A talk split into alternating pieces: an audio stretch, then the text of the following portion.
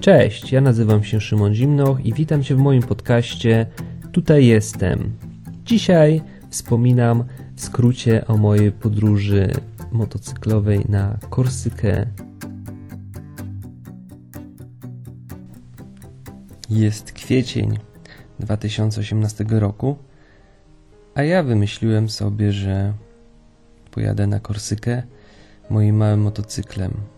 Hm, pomyślałem, że to jest realne i jak pomyślałem, tak zrobiłem, czyli zacząłem przygotowania. Jak przygotować się do takiego wyjazdu? Hmm, tego jeszcze nie wiedziałem, dlatego że to jest taki wyjazd y, bardziej w jedną stronę. To nie jest taki zwykły wyjazd wakacyjny, że jadę i wracam, tylko wyjazd taki, że wyjeżdżam w celu zorganizowania sobie y, pracy więc musiałam podejść do przygotowania bagażu troszeczkę inaczej. Czyli na początku przegląd motocykla, najprościej jak się da, badania techniczne, żeby mieć to wszystko już e, z głowy. Później oczywiście czyszczenie napędu, sprawdzenie czy się jeszcze nada, e, przegląd opon, wymiana oleju, takie podstawowe czynności jak sprawdzenie e, ładowania, Akurat był nowy akumulator, więc nie było z tym problemu. E, gniazdo e, USB do ładowania e, telefonu, uchwyt na telefon, wymiana filtra powietrza. Znaczy akurat w Suzuki GN filtr powietrza jest w postaci gąbki, więc wystarczyło go dobrze umyć i troszeczkę naoliwić. Jak wyglądało przygotowanie? Spojrzałem na mapę, wyznaczyłem trasę. Trasa miała przebiegać po jak najmniejszej linii oporu, czyli po prostu wyznaczyłem sobie trasę przez Livorno. Livorno znajduje się obok Pizy niedaleko i to jest najkrótsza przeprawa promowa na Korsykę. E, za dnia trwa ona około 4-4,5 godziny bezpośrednio do Bastii. E, zaznaczyłem na mapie, aby omijać autostrady i drogi płatne w miarę możliwości, czyli takie malownicze ścieżki, e, małe dróżki, takie jak motocykliści lubią najbardziej, a przede wszystkim ze względu takiego, że ten motocykl to nie jest demon prędkości, to nie jest typowo turystyczny motocykl, więc prędkości mm, przelotowe oczywiście można było się rozpędzić czasem do prędkości 110 km na godzinę w pełni załadowanym motocyklem z górki ale taka normalna prędkość przylotowa to przeważnie była 80-90 km na godzinę. I takie drogi właśnie sobie wyznaczyłem na mapie w telefonie. Przygotowałem sobie dwa różne telefony jako e, zapasowy telefon, tylko z wgraną, zapisaną mapą e, offline oraz mój zwykły telefon, e, który użytkowałem normalnie. I wyposażony w dwa telefony pomyślałem, że jestem gotowy do, do drogi, jeżeli chodzi o nawigowanie i kierunkowanie się e, na trasie. Poza samym przygotowaniem e, zacząłem czytać informacje e, takie dość istotne, dość ważne, ponieważ no, wcześniej nie wybierałem się zupełnie sam, samodzielnie na takie dalsze wyprawy, więc zainteresowałem się tematyką Um, oczywiście, co jest mi potrzebne w innych krajach. Okazało się, jak czytałem różne historie, legendy, że w Czechach obowiązkowe są kamizelki odblaskowe, żarówki zamienne i takie inne historie, więc pomyślałem, aby nie komplikować sobie życia, po prostu zabiorę ze sobą każdy rodzaj żarówki e, zapasowej, czy to od kierunkowskazu, czy głównej Szczególnie pod tym względem, że Suzuki GN ma taką nietypową e, żaróweczkę z przodu. To się bodajże nazywa R2. E, wiem, że w, w starych e, maluchu była, była tego rodzaju żarówka. E, I tak naprawdę ta lampa w Suzuki G250 to praktycznie motyla noga była bezużyteczna w nocy. Mm, jazda na światłach mijania mijała się z celem. Praktycznie to była jak jazda bez świateł. Więc jazda w nocy wymagała dużo, dużej ilości skupienia i odwagi. E, więc przygotowałem kamizelkę, nawet wszystkie bezpieczniki mm, zapasowe. Oczywiście na takie wyjazdy, mm, gdy jadę gdziekolwiek dalej niż wokół komina, zawsze staram się zabrać dętkę e, zapasową poza podstawowym zestawem e, naprawczym do dętki. A obecne motocykle mają to do siebie, że przeważnie mają różne rozmiary kół. I w przypadku Suzuki GN było tak, że z przodu e, wielkość, wielkość felgi to była 18, a z tyłu bodajże 16. Więc zabrałem dwie nowe dętki. Więc to wszystko jest e, fajnie, ale zajmuje trochę miejsca. No ale nic, lepiej mieć ze sobą dętkę, malutką pompkę, e, małe łyżki do opon. Wiadomo, że to jest przypadku w razie wielkiego W, mm, gdy naprawdę będzie to potrzebne i nie będzie żadnej możliwej pomocy w oku, e, wtedy można tym się spróbować poratować, posiłkować, że to nie jest e, tak naprawdę aż tak konieczne i wymagane, ale lepiej to ze sobą mieć na własne potrzeby. I właśnie z tych ciekawostek szukałem informacji na temat winiet opłat autostradowych, opłat za drogi, e, promy i zdecydowałem e, tak, że nie kupię wcześniej biletu na prom z Livorno do Bastii, dlatego że trudno mi jest oszacować tak naprawdę kiedy, mm, kiedy dojadę do, do Livorno, bo jadąc samemu motocyklem no, mogą spotkać nas różne ciekawe bądź mniej ciekawe przygody. I to nie jest tak jak samochodem, tak? Bo mm, gdy w czasie drogi spotkamy jakąś e, dużą ulewę, duży sztorm, wiatr, przemoczymy się na wskroś, to będziemy potrzebowali zatrzymać się gdzieś w hotelu, żeby wyschnąć, wys wysuszyć cały sprzęt. Więc trzeba brać poprawkę na takie uwagi. Dlatego zdecydowałem się e, na taki krok, że kupię bilet e, na miejscu i jak sprawdzałem, e, to e, w Czechach na przykład dla motocykli nie ma obowiązku e, wykupienia winiety, więc motocykl przejeżdża gładko. W Austrii jest taki obowiązek, należy wykupić sobie winietkę i nakleić w miejsce widoczne dla tych kamer, tych bramek kontrolnych. E, natomiast yy, przejeżdżając przez Włochy, we Włoszech e, są płatne autostradki. Nie ukrywajmy, i to całkiem słono płatne. I ciężko jest uniknąć chociażby kilku odcinków płatnych, więc nawet wybierając, wytyczając trasy niepłatne, to i tak gdzieś tam zdarzy się, że będzie trzeba przemknąć przez takie odcinki i przygotować się na wszelkiego rodzaju opłaty. Odnośnie planu, e, planu wyjazdu, e, spojrzałem na mapę i to jest niespełna 2000 km, tak plus minus w zaokrągleniu, bo mm, wyruszałem z Warszawy bezpośrednio na Korsykę do Ajaccio i tak właśnie wychodziło około 2000 kilometrów i według tych ilości godzin podróży założyłem, że minimum potrzebuję tak na spokojnie te 3-4 dni na, na dojazd. E, oczywiście jeden taki pełny dzień, gdyby coś się miało wydarzyć. Mm, I tak na spokojnie, bo też e, założyłem, że to ma być też taki trochę wyjazd nie tylko e, jako sam dojazd, ale też, żeby jadąc przez, tym, przez te boczne małe dróżki niepłatne, tak, coś, cokolwiek zobaczyć. E, więc 4 dni na, na dojazd i tak to sobie wyznaczyłem. W przygotowaniach motocykla uwzględniłem też coś takiego jak zapasowy kluczyk do motocykla. Udało mi się dorobić kluczyk, bo miałem tylko jeden.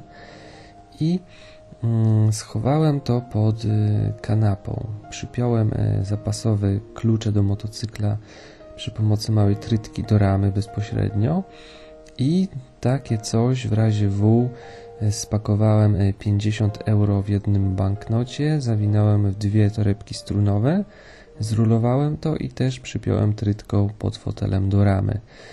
To było dość bezpieczne miejsce pod fotelem, ponieważ w tym motocyklu, aby podnieść kanapę, trzeba wykręcić co najmniej e, dwie śruby. Nie jest to tak łatwo dostępne. A poza tym, po uniesieniu kanapy, tak to schowałem, żeby nie było widoczne na pierwszy rzut oka. To była taka mała ukryta rezerwa w czasie naprawdę wielkiego W, e, czyli gdyby cokolwiek się działo, gdyby mi zabrakło na paliwo, gdybym zgubił klucze, to w jakikolwiek sposób dostałbym się po tą moją e, rezerwę. Plan wyjazdu, mm, tak jak lubię, no mega, mega ekonomicznie, e, czyli kemping, kemping na dziko, na kempingu.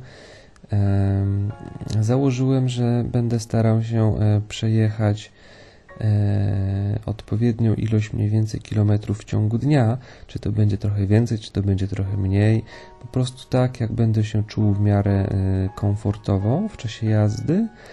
Mm, i też tak, aby znaleźć sobie jakieś miejsce e, do spania. Oczywiście celowałem w bardziej miejsca do spania tak e, na dziko, w namiocie, aczkolwiek nie obeszło się bez e, kempingu. Skoro już wiedziałem w jaki sposób chcę podróżować, e, co potrzebuję, to musiałem zorganizować sobie szybkie zakupy, ponieważ na dzień wyjazdu nie miałem nawet szpiworu i namiotu. Więc dzień czy dwa dni przed wyjazdem wskoczyłem do Decathlonu, kupiłem karimatę, najprostszy, najtańszy namiot dwuosobowy. E, oczywiście też musiałam kupić sobie właśnie szpiwór, taki mniej więcej do temperatury limitu bodajże chyba 8 stopni, więc taki typowo letni. A pamiętajmy, w czasie kiedy wyjeżdżałem, to był koniec kwietnia. Więc y, cały ten obszar jeszcze połowy Europy był taki dość dość chłodny. No ale mając już takie pierwsze doświadczenia z takimi wyjazdami w takim okresie jak majówka, wiedziałem, czego mogę się spodziewać. Bardzo ważna rzecz, o której zapomniałem i wtedy nawet nie pomyślałem, to i brakowało mi tego, czyli mała kuchenka gazowa, jakiś mały garnuszek bądź rondelek i termofor to dopiero przy kolejnych wyprawach po prostu już teraz mam obowiązkowe w swoim spisie treści. Jeżeli zabieram gdziekolwiek szpiworek, e, małą kuchenkę gazową, garnuszek i termofor. E, dlatego, że to jest najprostszy i najbardziej skuteczny sposób, gdy w nocy zrobi się bardzo zimno w namiocie, to żeby zagotować wodę, zalać termofor i wrzucić sobie w nogi, to naprawdę mega rozgrzewa i taki jeden termofor y, potrafi, sprawia, że możemy przetrwać tą daną noc. Mm, a w takich czasem warunkach taka dana noc potrafi trwać tylko tak naprawdę 3-4 godziny. Y, szybka regeneracja i dalej w drogę. Więc yy, wtedy za, zapomniałem o kuchence, w ogóle o tym nie myślałem, o jedzeniu w trasie yy, w ten sposób.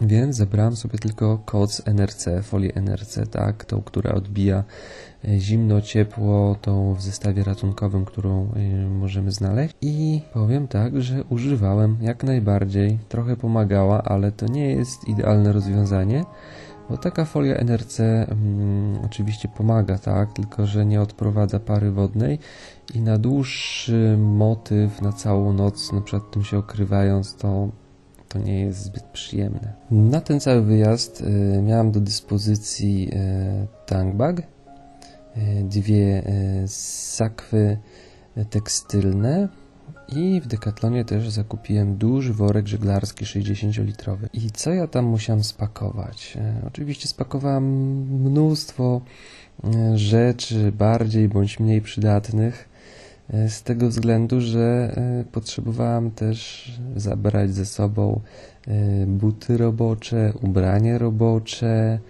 E, wiadomo, że mm, ręcznik, na przykład szybko schnący, który mało miejsca zajmuje. I też sporo rzeczy e, typowo wyjazdowych, e, motocyklowych, tak jak butelka mm, oleju, no bo Gienek troszeczkę tam podpijał tego oleju, rzekomo to normalne jego zużycie, ale na około 1000 2000 km, no takie około te 200, 250 do 300 ml czasem można było dolać tego oleju, więc olej, jakieś przewody elektryczne, taśma, te łyżki, dętki, butelka e, litrowa z benzyną jako taka mała rezerwa i to praktycznie wypełniało jedną sakwę tym właśnie ten zestaw żarówek zamiennych, y, kamizelka odblaskowa, mm, zestaw e, przeciwdeszczowy cały, tak, na buty, na rękawiczki, e, na kurtkę, na ubranie. Więc cała jedna sakwa była wypełniona takim zestawem motocyklowym. E, druga sakwa była wypełniona koszulkami, klapkami, butami, E, kilkoma konserwami, bo zabrałem e, konserwy do jedzenia. Nie ma co ukrywać, trochę konserw. E, I zebrałem też butelkę wody niespełna, mm, to bodajże był litr, 0,8 litra chyba. W worku żeglarskim umieściłem takie ubrania właśnie robocze, jakieś takie bluzy, grubsze rzeczy. I miałem jeszcze do tego z zewnątrz przyczepiony y, pasami y, namiot i karimatę. Wszystko było zawinięte w czarne śmieciowe worki, żeby w razie deszczu to od razu tak szybko nie przemokło. A w tankbagu y, miałem najbardziej podstawowe rzeczy jak telefon na zapas, coś tam jeszcze. Takie najbardziej potrzebne rzeczy, które w czasie drogi człowiek, człowiek ma to właśnie tam schowane. Pamiętam, że całkiem e, późno wyruszyłem e, w trasę z Warszawy. E, po leniwym śniadaniu, to bodajże po godzinie 10, wsiadłem na motocykl w pełni załadowany i ruszyłem w drogę. Oczywiście musiałem przedostać się najpierw, e, wydostać się z Warszawy przez, przez Korki, e, trasą e, katowicką, wydostać się tak jakby za ten obszar cały miejski, gdzieś już te małe wioseczki właśnie w kierunku Czech. Więc jak wsiadłem na ten motocykl załadowany, pomyślałem sobie, jejku, jadę. To, to nie jest to nie jest prawda. To jest takie dziwne jakieś takie uczucie, że to jest jakiś wymysł. Troszeczkę takie jak w śnie, taka, takie trochę zadowolenie z niepewnością, bo tak naprawdę jadę gdzieś, gdzie nie wiem, co mnie tam e, czeka. E, sam sobie to wymyśliłem, e, sam sobie odpowiedziałem na to pytanie, że jak najbardziej ja dojadę, motocykl dojedzie, wszystko będzie dobrze. No i taki zadowolony właśnie słuchałem sobie jakichś utworów na telefonie. E, nawigacja zaczęła mm, wyznaczać mi trasę przez te najbliższe wioseczki i tak sobie na spokojnie jechałem w kierunku Czech, e, pilnując oczywiście e, stanu mm, zbiornika paliwa. I w Gienku jest rezerwa w kraniku, aczkolwiek ja jestem ciągle nauczony na jazdę na kilometry dzienne, więc tak co mniej więcej te 200 kilometrów aby zatankować na stację i wypić kawę i jechać e, dalej, więc około 10 wyruszyłem e, z Warszawy i w czasie drogi tam była jakaś mrzawka. Pamiętam, że tuż przed granicą z Czechami zaczęło padać. Zatrzymałem się pod e, przystankiem autobusowym Zrobiło się ciemno, chmury przyszły i taki trochę nie wiedziałem, co mam robić, e, więc założyłem zestaw przeciwdeszczowy. No i tak myślę, chwilę poczekam. Jeżeli nie przestanie, e, to i tak jadę, że, bo chcę, chcę po prostu pokonać jakiś dystans dziennie i znaleźć jakiś nocleg już w Czechach. No i tak było, że chwilę poczekałem, założyłem ten e, przeciwdeszczowy zestaw, no i ruszyłem w trasę. I było tak ciemno, pochmurnie, a to nie była całkiem późna godzina. Gdzieś to było w okolicach może 17 godziny. Dokładnie nie pamiętam, ale wiem, że jak już przejechałem przez granicę czeską, e, to zaczęło się przejaśniać. I myślę sobie, dobra, okej, okay, wszystko jest spoko. Jadę, jadę jak najbliżej mm, granicy z Austrią i będę szukał e, noclegu. Będę szukał jakichś tabliczek, kemping. E, nie robiłem tak, że wyznaczaj e, nocleg na nawigacji, żeby gdzieś znaleźć, tylko po prostu rozglądając się. I tak jadę, jadę, jadę, jadę przez te wioseczki czeskie i tak widzę jakiś kemping jest. Ok, spoko. Widzę, że szlaban jest uchylony, można wjechać, ale na tym kempingu tak ciemno, cicho, nic się nie dzieje, jakiś jeden kamper stoi.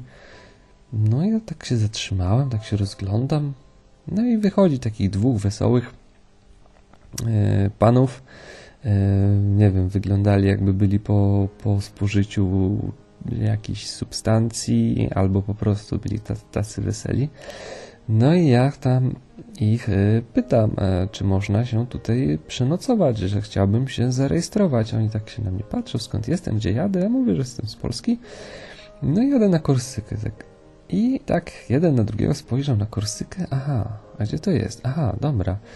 No i pytam, to mogę tutaj zanocować, się zarejestrować? Oni tak się patrzą jeden na drugiego, się śmieją coś tam do siebie tego. No pewnie, że możesz. Idź tam sobie gdzieś rozbij ten namiot. No pytam, dobrze, ale gdzie, co, jak, e, teraz płacę wieczorem? Nie, co ty tam, dzisiaj masz gratis. No dobra, okej, okay, dobra, rozbiłem sobie kemping, namiot, oczywiście szybki prysznic, e, pełne wygody, tak, prysznic, e, namiot, cisza, spokój, no i spoko. Tak myślę sobie, kurczę, no, no nie wiem, czy to są właściciele tego kempingu, czy, czy po prostu jacyś kolesie, co chodzą, ale spoko, dobra. Co ja będę się tym dzisiaj przejmował? No jakoś trudno by mi było zasnąć pierwszy taki nocleg e, w podróży, bo w głowie kłębiły się myśli, dobra, czy, czy, czy nic czy nic nie dolega e, technicznie w motocyklu, czy jest wszystko dobrze, czy zdążę i tak dalej. Takie zwykły natłok myśli wieczorem, ale oczywiście udało mi się przespać. Rano poczekałem tylko chwilę, e, aby namiot e, mógł troszeczkę z tej porannej rosy wyschnąć. Wytrzypałem tą rosę, pozwijałem cały obóz. No i dalej w drogę. No i tak po prostu jadąc w kierunku e, Wiednia, już przez Austrię, Wiedeń, w kierunku Graz e, i wiem, że miałem troszeczkę e, problemu w, Alp w Alpach austriackich. W czasie drogi mm, jest taki problem, gdy się korzysta z nawigacji z telefonu i jednocześnie ładując. Ja ten telefon wkładałem pod, do mapnika w tankwagu i jest ten problem taki, że ten telefon, w zasadzie wszystkie telefony, które do tej pory miałem, mają ten sam problem. Gdy nie ma chłodzenia i w czasie ładowania, i w czasie, gdy nawigacja pracuje, po prostu one się przegrzewają, te telefony. I to była męczarnia. I wcześniej, gdy robiłem mniejsze trasy wokół komina, Aż tak bardzo na to uwagi nie zwracałem, bo okej, okay, dobra, jeżeli się telefon przegrzał, to ja wiedziałem, znałem mniej więcej kierunek i trasy, więc się tym nie martwiłem. Ale e, gdy się jedzie po takich właśnie krętych e, alpejskich mm, ścieżkach, dróżkach, wioskach, e, tylko po to, aby unikać opłat tych autostradowych czy tras szybkiego ruchu, bo i tak wjeżdżając do Austrii było trzeba wykupić winietę drogową, na motocykl. E, oczywiście mogłem jechać trasami szybkiego ruchu i w większości tam, e, gdzie musiałem, to jechałem, ale chciałem też zobaczyć mm, Austrię od tej strony takiej tych wiosek i po prostu nie narażać się na ryzyko mm, potrącenia przez inne samochody, tiry i inne takie pojazdy, więc wybierałem tę drogę dłuższą, ale spokojniejszą. I w czasie takiej drogi oczywiście byłem bardzo skupiony na e, informacjach z nawigacji. I ta nawigacja lubiła się przegrzać, dlatego miałem drugi telefon i tak na zmianę używałem, że jak jeden się przegrzeje, no to musiałem odpiąć i podpiąć sobie drugi. I miałem też uchwyt na mm, taki rowerowy uchwyt zamykany na kierownicę, ale on był jeszcze gorszy, bo tam zupełnie nie było wentylacji na telefon.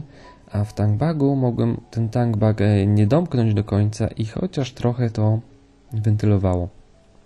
Ale jaka przygoda mnie tam spotkała w tej Austrii w Alpach. No, jeździłem po tych krętych, fajnych mm, dróżkach i tak nagle bzding, bzding, bzding nie ładuje mi się telefon. Rozładował mi się zupełnie telefon. Myślę sobie, oj, oj, oj, zaraz, zaraz go podładuję. Bzdrink, bzdrink, coś jest nie tak. Spoglądam, mmm, wielka lipa, wielka katastrofa, wielka szkoda, ponieważ i w tym momencie się nauczyłem. Simon, nie kombinuj, najprostsze rozwiązania są najlepsze, a ty chciałeś high-tech, rocket science, czy jak to tam się mówi.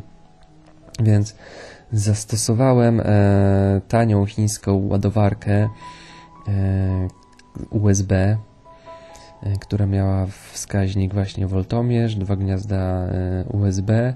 Wyglądała fajnie, do czasu działała fajnie, ale okazało się, że ja będąc gdzieś w tych krętych ścieżkach w Alpach, gdzie miałem kilka rozjazdów, byłem pozbawiony zupełnie mm, nawigacji, zupełnie e, mapy mm, i ładowania przede wszystkim. Tylko z tego powodu, że zainwestowałem w ładowarkę USB zamiast w zwykłe gniazdo zapalniczki samochodowej. I cała przygoda polegała na tym, że po prostu zjechałem e, z, tej drogi, aby, aby jakkolwiek znaleźć jakikolwiek sklep, którym mógłbym kupić ładowarkę zwykłą samochodową, pod zapalniczkę samochodową. I tak było.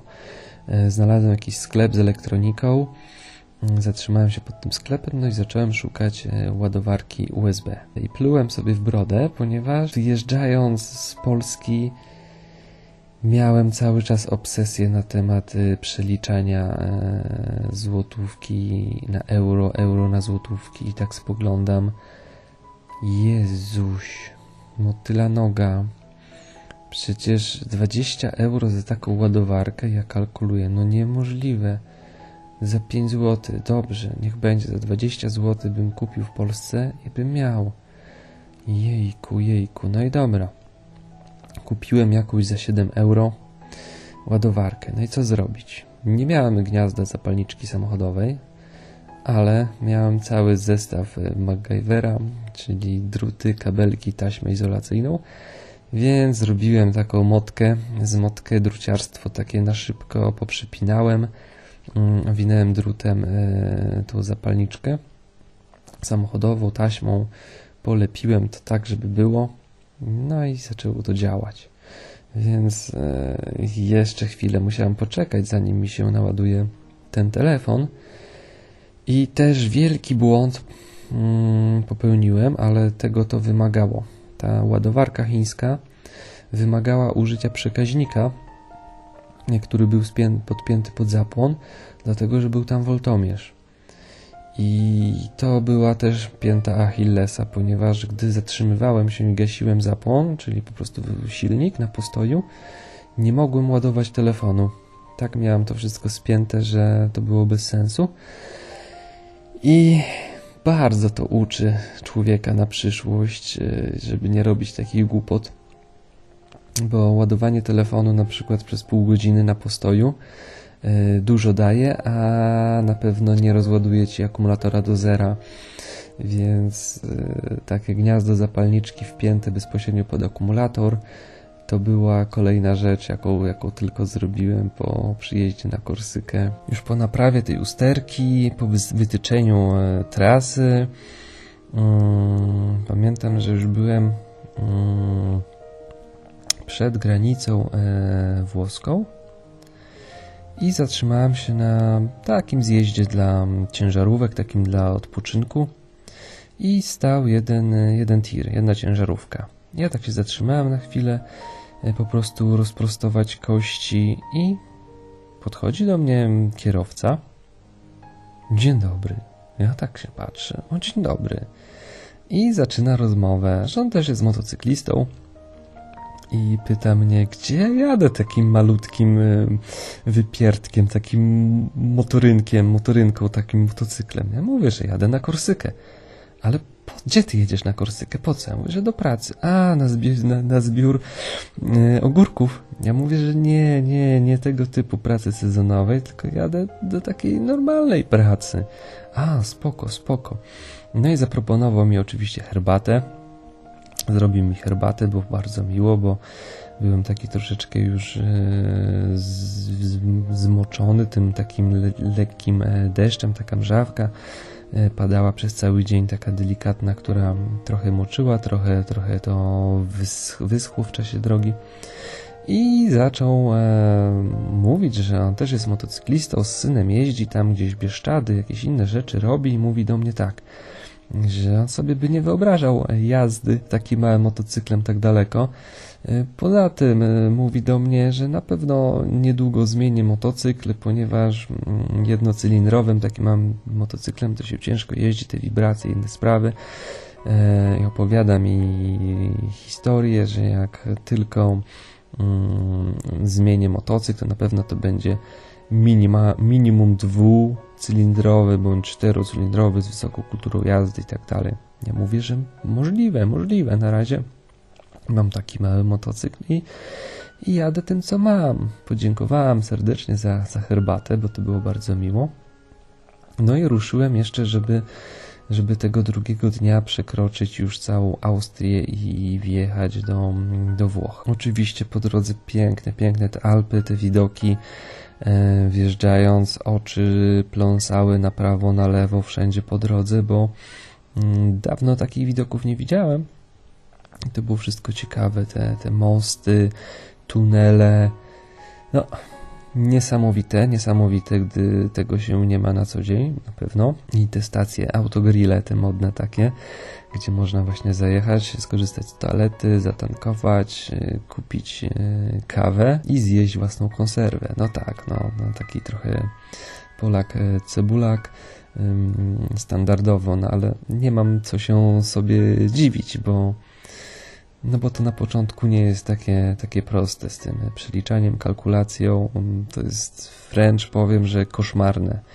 To jest koszmar e, w czasie takiej podróży, e, co nie pozwala cieszyć się normalnie funkcjonowaniem, gdy człowiek myśli o, o złotówkach, a jest w kraju, gdzie jest euro. To jest, to jest jakieś nieporozumienie. E, gdy już wjechałem do Włoch, oczywiście zaraz za granicą rozpoczęła się autostrada i autostrada oczywiście płatna. I tutaj e, czasem ta, czasem przeważnie tak jest, że ta nawigacja pomimo ustawionych różnych map jednak potrafi się przestawić. Nie wiem z czego to wynika, ale tak to czasem jest, że potrafi sobie zmienić, odświeżyć trasę i prowadzić nową aktualizacją, którą uważa, że, że jest lepsza dla mnie, a niekoniecznie tak jest. I też dałem się na to złapać, więc jechałem długi odcinek autostradą.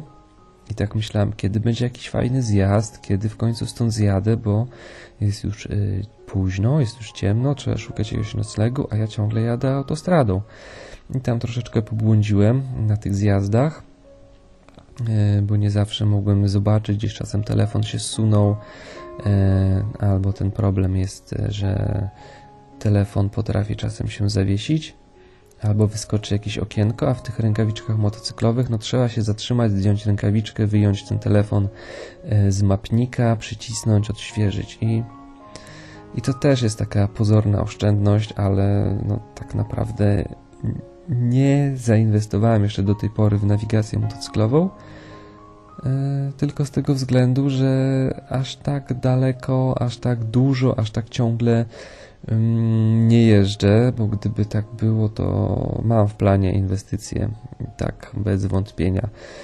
Za jakiś czas pozwolę sobie na taką nawigację i pozbędę się tych telefonów, które pomimo nie wiadomo jakich super aplikacji, jednak telefon jest telefonem i ma te swoje wszystkie wady, których doświadczam przy każdej wyprawie, którą popełniam. Zawsze to samo się powtarza. Tutaj specjalnie nie zabierałem ze sobą żadnej mapy papierowej, gdyż wiedziałem, że prędzej czy później albo kogoś zapytam o drogę, albo będę jechał głównymi autostradami na wielkie znaki, na wielkie miejscowości. Mm, dlatego nie kupiłem wcześniej mapy papierowej i nie wytyczyłem trasy na mapie papierowej.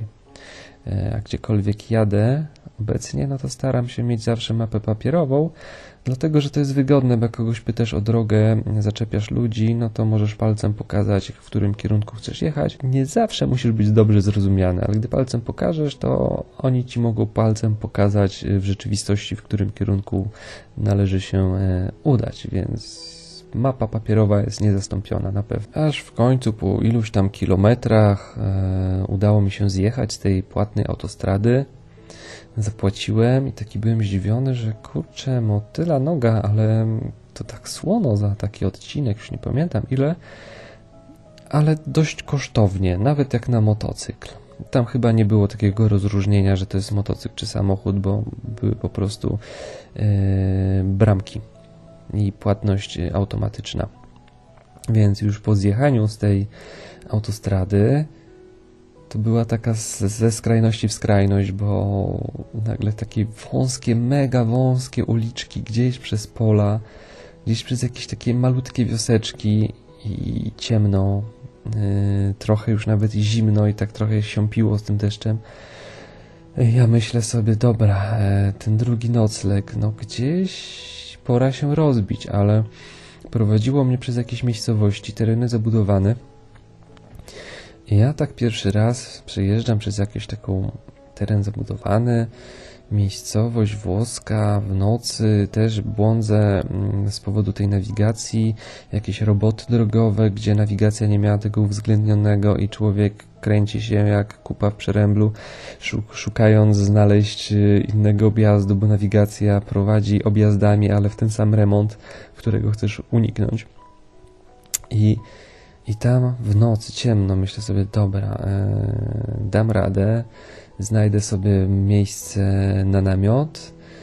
Mm, no, ale tak w razie W, może jakiś hotel. I w nocy patrzę, ludzie chodzą, jeżdżą tymi rowerami, nie wiem, tak, tak, taki byłem wystraszony, to pewnie, to pewnie większość to uchodźcy, bo jedzie rowerem od śmietnika do śmietnika, zagląda, coś wyciąga, yy, ciemno, ciemno skóry, jeden, drugi, trzeci, myślę sobie, ojej, to fala, fala uchodźców, no bo wiadomo, że nas nastraszyli w tych mediach, że to są jacyś dzikusy i tak dalej, ale człowiek sam musi spotkać takich ludzi, żeby się przekonać i wyrobić własną opinię, a nie karmić się jakimiś informacjami. Nie, nie, nic z tych rzeczy, to po prostu jedynie siła mojej e, wyobraźni i całodniowej podróży potrafi płatać takie, takie figle, więc wyjechałem z tych miejscowości.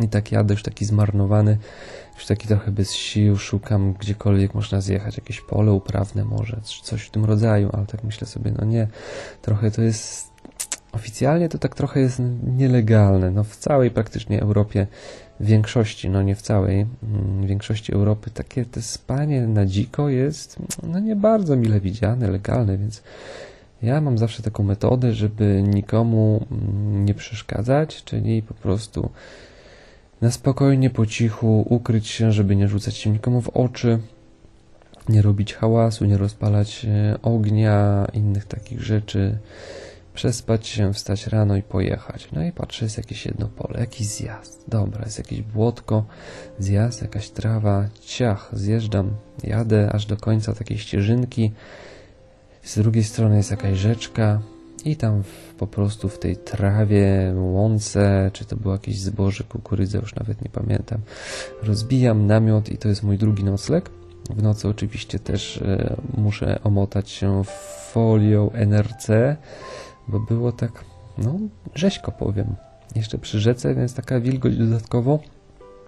e, ciągnęła, więc jak to mówią, e, noc jest e, długa, śpi się szybko. Wczesna pobudka w okolicach, po prostu jak tylko świt wychodził, bo człowiek zmarznięty nie ma ochoty e, trzęść się zimna i wylegiwać dłużej, tylko po prostu tyle, po prostu przywrócić energię do, do życia, e, żeby zrobiło się już na tyle widno, żeby było można spakować obóz i ruszyć dalej w drogę. Akurat tam e, no były takie właśnie te dni, że tak siąpiło.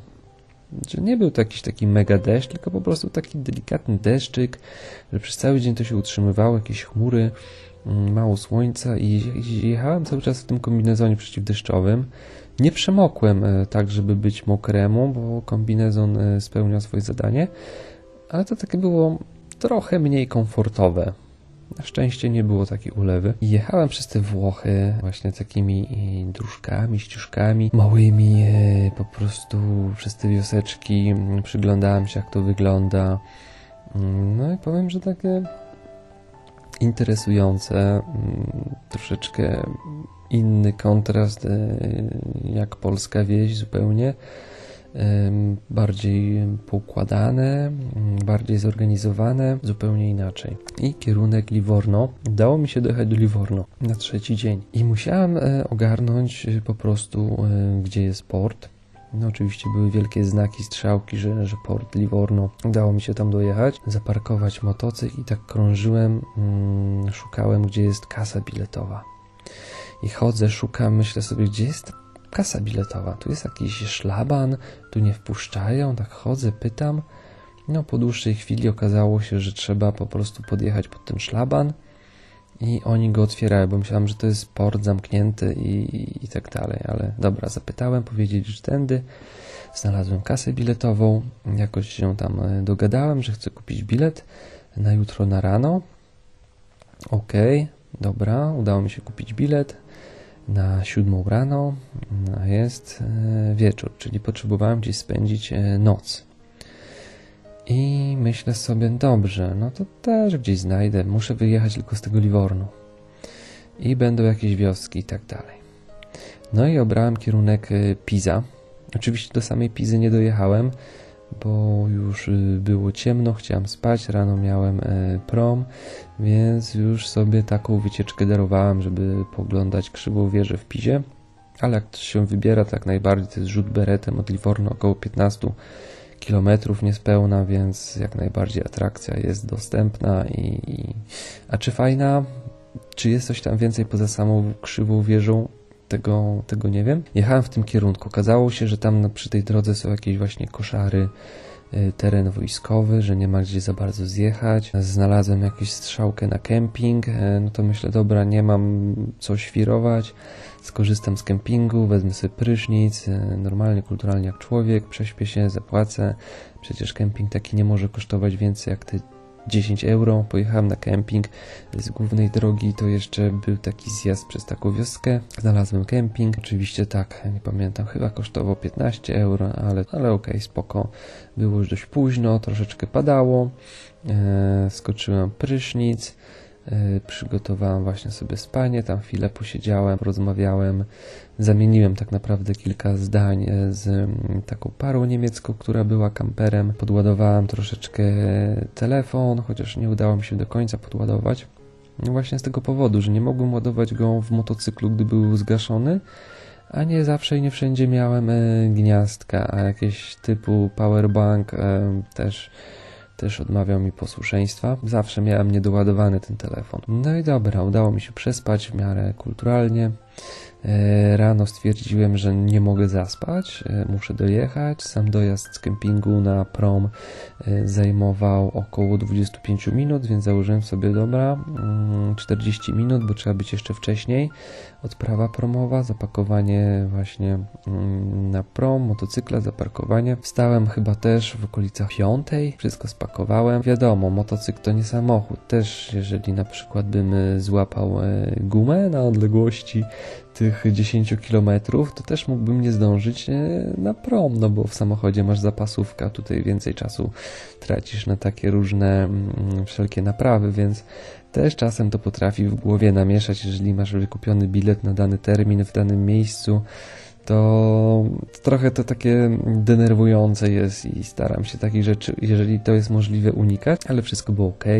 Zjechałem na prom, pierwszy raz e, byłem na odprawie promowej, w ogóle na prom się załadowałem. No i heja, jestem już na promie, odpływam e, z kontynentalnej części Europy i po 4 godzinach znajduję się na, na Korsyce. Prom się zatrzymuje, ja wyjeżdżam z promu. I pierwsza rzecz, która przychodzi mi do głowy to stacja, stacja benzynowa, po prostu gdzieś się na chwilę zatrzymać, zatankować, zobaczyć w ogóle co się dzieje, smarować łańcuch. Nie miałem konkretnego tak naprawdę adresu, mm, poza tym, że miałem nazwę miejscowości miasta Ajaccio, to w tym momencie wyciągam telefon i próbuję dzwonić do mojego prowadzącego mm, opiekuna, tak zwanego opiekuna z pośrednictwa pracy i, i cisza.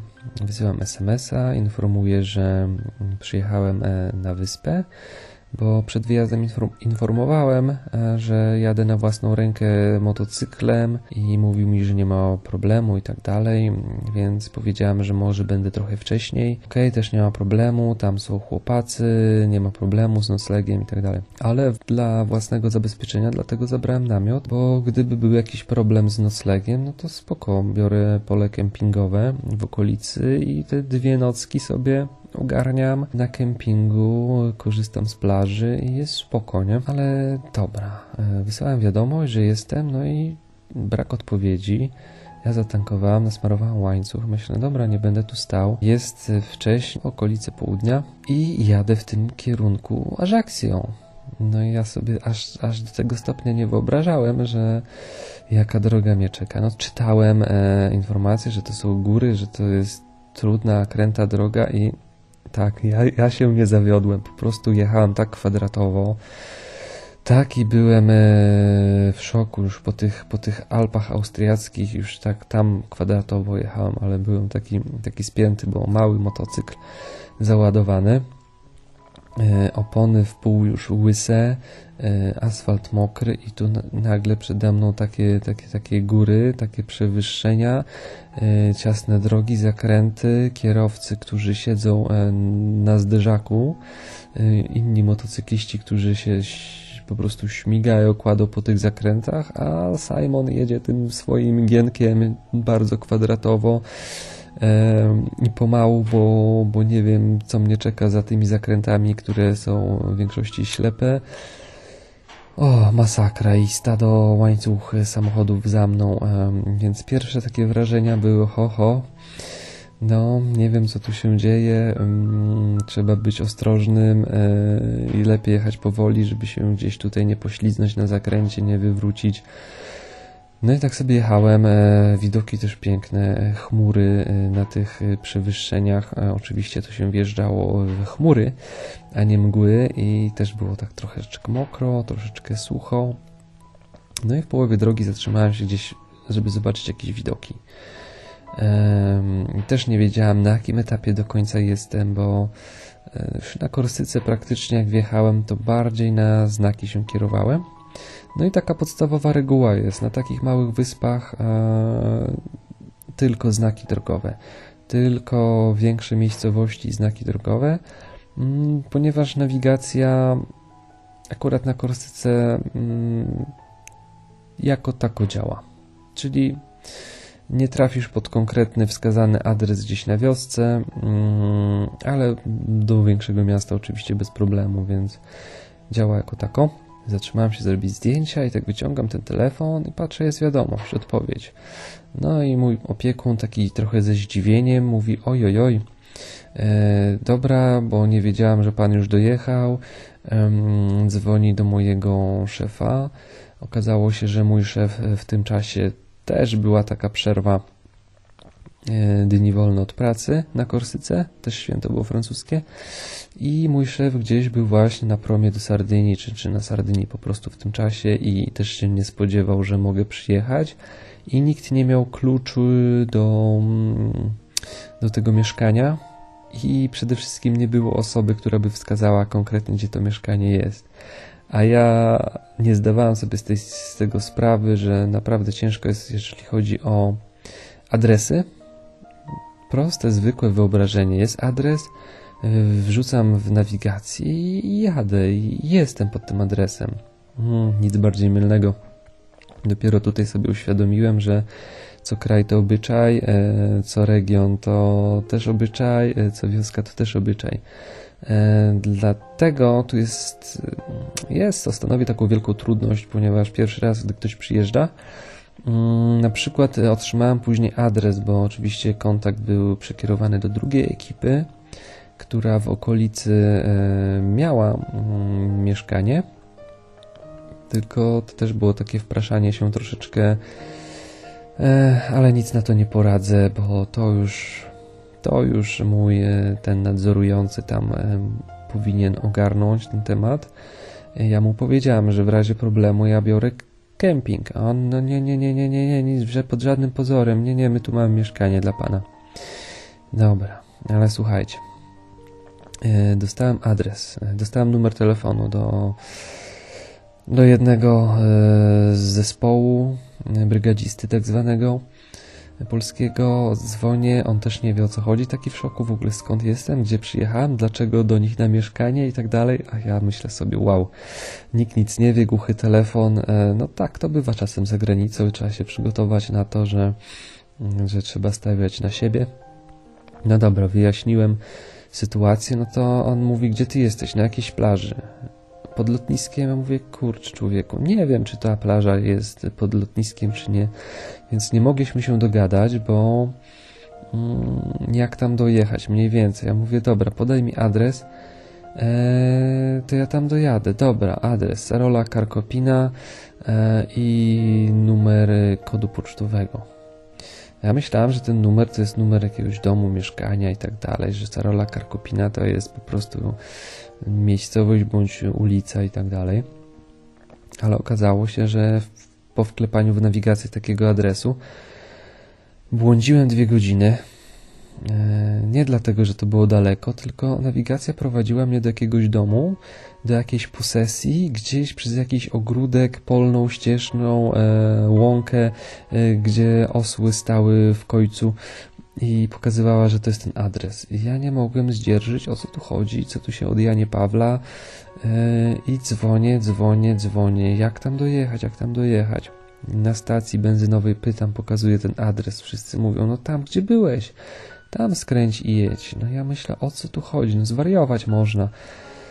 Dopiero za którymś razem e, zostawiłem tą nawigację w spokoju i jechałem na znaki.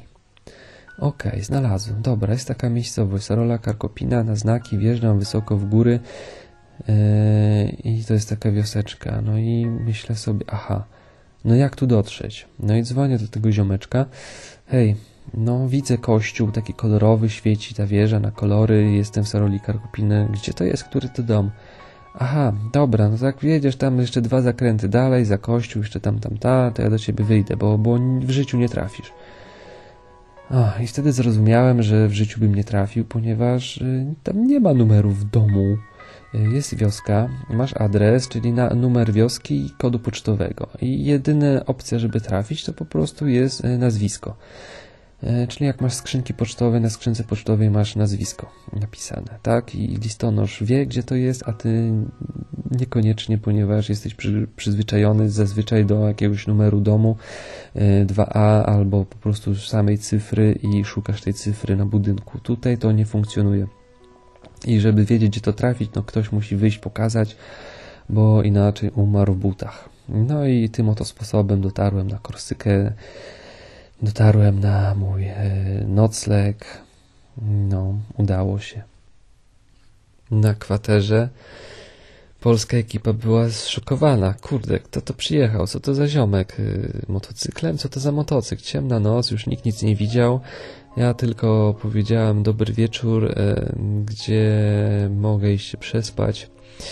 Właścicielka, korsykanka, starsza pani, Ona taka była trochę zdziwiona, mówi, że lubi motocyklistów. Oczywiście w dniu przyjazdu to ja poza bonjour zupełnie nic nie, nie, nie kumałem, nie rozumiałem. Teraz ciut jest ciut, ciut, tak się nie powinno mówić, ciut, ciut. Jest troszeczkę mm, lepiej. I tak zaczęła się ta moja e, przygoda. Spędziłem tam trzy noclegi. E, cały czas dobijając się, e, gdzie jest adres e, budowy. To była kolejna sprawa, znaleźć adres budowy, gdzie jest budowa, w ogóle kto, gdzie jest kim, bo byłem pierwszym człowiekiem z mojej ekipy dlatego nie mogłem się nikogo podpytać. Nikt do końca konkretnie nie wiedział. Ja miałem te dokumenty i tak dalej, ale chodziłem po budowach i pytałem. Mm, później ta starsza pani, gdzie nocowałam, zawiozła, zapytała, pomogła mi znaleźć to wszystko, ogarnąć. I już na budowie e, był szef d'equipe, już był człowiek, który mnie zawiózł do mm, tego mieszkania, przekazał mi klucze i wylądowałem w Porticcio. I to było całkiem fajne mieszkanie, całkiem fajna lokalizacja. E, no i stamtąd już zacząłem mm, pracować. A fajną rzeczą na początku pracy, później to się zmieniło, ale na początku to było bardzo świetne, bo e, pracowałem w piątek tylko do godziny 12 więc mój weekend y, wynosił e, praktycznie 2,5 dnia. Przez ten okres ja przez pierwszy tydzień objechałem e, praktycznie całą wyspę dookoła. Ale to nie oznacza, że poznałem całą wyspę. Nie, do dnia dzisiejszego jeszcze jest tyle ciekawych miejsc, tyle zakamarków, tyle do zobaczenia, to jest jak taka pajączyna pająka. Można objechać dookoła, ale żeby w każdy zakamarek się dostać, poznać, to nie jest takie proste. Dopiero później, gdy harmonogram prac się zmienił i okazało się, że to nie jest na rękę wszystkim, żeby w piątek pracować tylko do 12, bo wtedy wydajność pracy spada, bo człowiek myśli, że to już jest weekend, przychodząc rano do pracy i, i zostało to zmienione na normalny tryb pracy, czyli weekend dwudniowy, e, sobota, niedziela, ale to też nie przeszkadza w tym, e, aby kontynuować jazdę i zwiedzanie całej wyspy, bo nie wyobrażam sobie być tutaj na miejscu i siedzieć e, w mieszkaniu w jednym miejscu, gdy tyle ciekawych rzeczy dookoła, już nie mówiąc przyroda, morze, góry, e, ludzie, e, jedzenie, e, zwierzęta.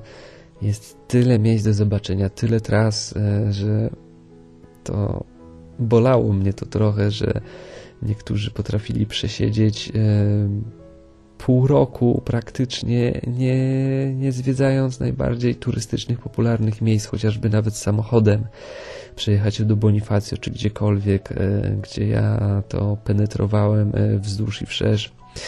I to mi pozwalało mm, zapomnieć o tym, że, że tu jest praca, że, że przyjechałem pracować, tylko po prostu miałem taki, taki balans pomiędzy pracą a tym, z czego mogę korzystać. Dopiero gdy Yy, gdy przestałem przeliczać złotówki na euro, długo to trwało, to naprawdę około jednego roku trwał ten okres, kiedy nie byłem w stanie ogarnąć, kiedy mnie to tak drażniło i denerwowało i no ciężki ten okres był po przyjeździe, bo przeliczałem to ciągle w głowie do pierwszej wypłaty, więc starałem się żywić za 5 euro dziennie. Jadłem ten jakieś najtańsze puszki, co nie było zbyt zdrowe, odżywcze i wartościowe, i, ale z czasem udało mi się z tego wyjść, e, rozszerzyć trochę światopogląd, e, pozbyć się e, tego myślenia, e, zamiany na złotówki,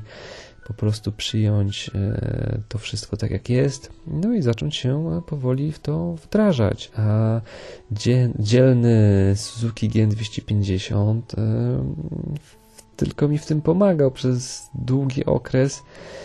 Był to praktycznie motocykl nie do zdarcia. No, opony, opony wymieniłem, później łożyska główki ramy, mm, później też e, jeżdżąc tak w, po tych górkach okazało się, że sprzęgło też się zaczęło kończyć, ale to nic, bo chłopacy się śmieli, że ja zawsze coś tam tylko tu olej wymieniłem, to coś tam jeszcze zrobiłem i po prostu przychodził weekend.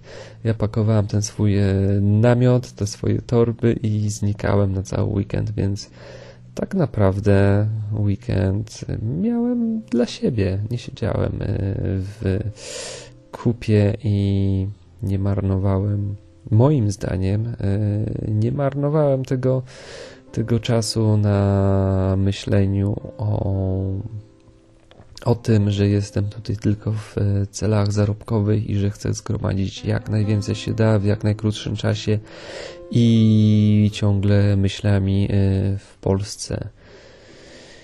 Tak, e, gdy to obserwowałem tak z boku i na początku próbowałem to rozkminić, no to powiem, że z dłuższej perspektywy to jest trudne, to jest ciężkie i to jest psychicznie bardzo męczące. Dlatego lepiej się zdecydować, e, co się chce, co się robi. E, chociaż nie zawsze jest to tak proste i oczywiste, ale należy spróbować. Okej, okay, u mnie już jest dawno po północy, kiedy to nagrywam. Siedzę właśnie pod kocem. Jestem ciekawy właśnie, jak będzie teraz ten głos e, wypadał, czy to jest lepsze rozwiązanie, czy nie. E, w każdym bądź razie jest cicho, sąsiedzi nie hałasują, samochody, skutery. O, zmora, moja zmora, mieszkając na dziewiątym piętrze tutaj w blokowisku, to są dzieciaki na skuterach, ale na szczęście w miarę ta godzina policyjna obecnie sprawia, że tak nie bziukają. No, już wiem co, wiem jak to kiedyś za młodu moi sąsiedzi musieli znosić to, że ja tam pyrkałem jakimś motorkiem dwusuwowym, a ojo, co zgrozo. Ja rzucałbym jajkami w tych wszystkich gówniarzy na tych skuterach, ale nie za bardzo mi wypada. Więc e, żegnam Was w dniu dzisiejszym. E, zachęcam do mm, odwiedzenia mojego kanału zarówno na YouTubie, jeżeli słuchasz tego na YouTubie, to zachęcam Ciebie do e, słuchania tego w platformach podcastowych. Wtedy to mniej energii pozbawiasz e, swój telefon czy komputer. I otwarcie możesz zadać mi różne pytania na ten temat. Jeżeli będę w stanie odpowiedzieć, to chętnie się podzielę informacjami na temat e, samych e, wyjazdów e, motocyklowych, przygotowania głębszych przemyśleń, czy też po prostu jak wygląda taka praca w interimie na przykład to też mógłbym się ewentualnie e, podzielić, więc e, zapraszam do zadawania pytań, e, na przykład mailowych na kontakt małpa tutaj jestem.pl i dziękuję za wysłuchanie. Trzymaj się.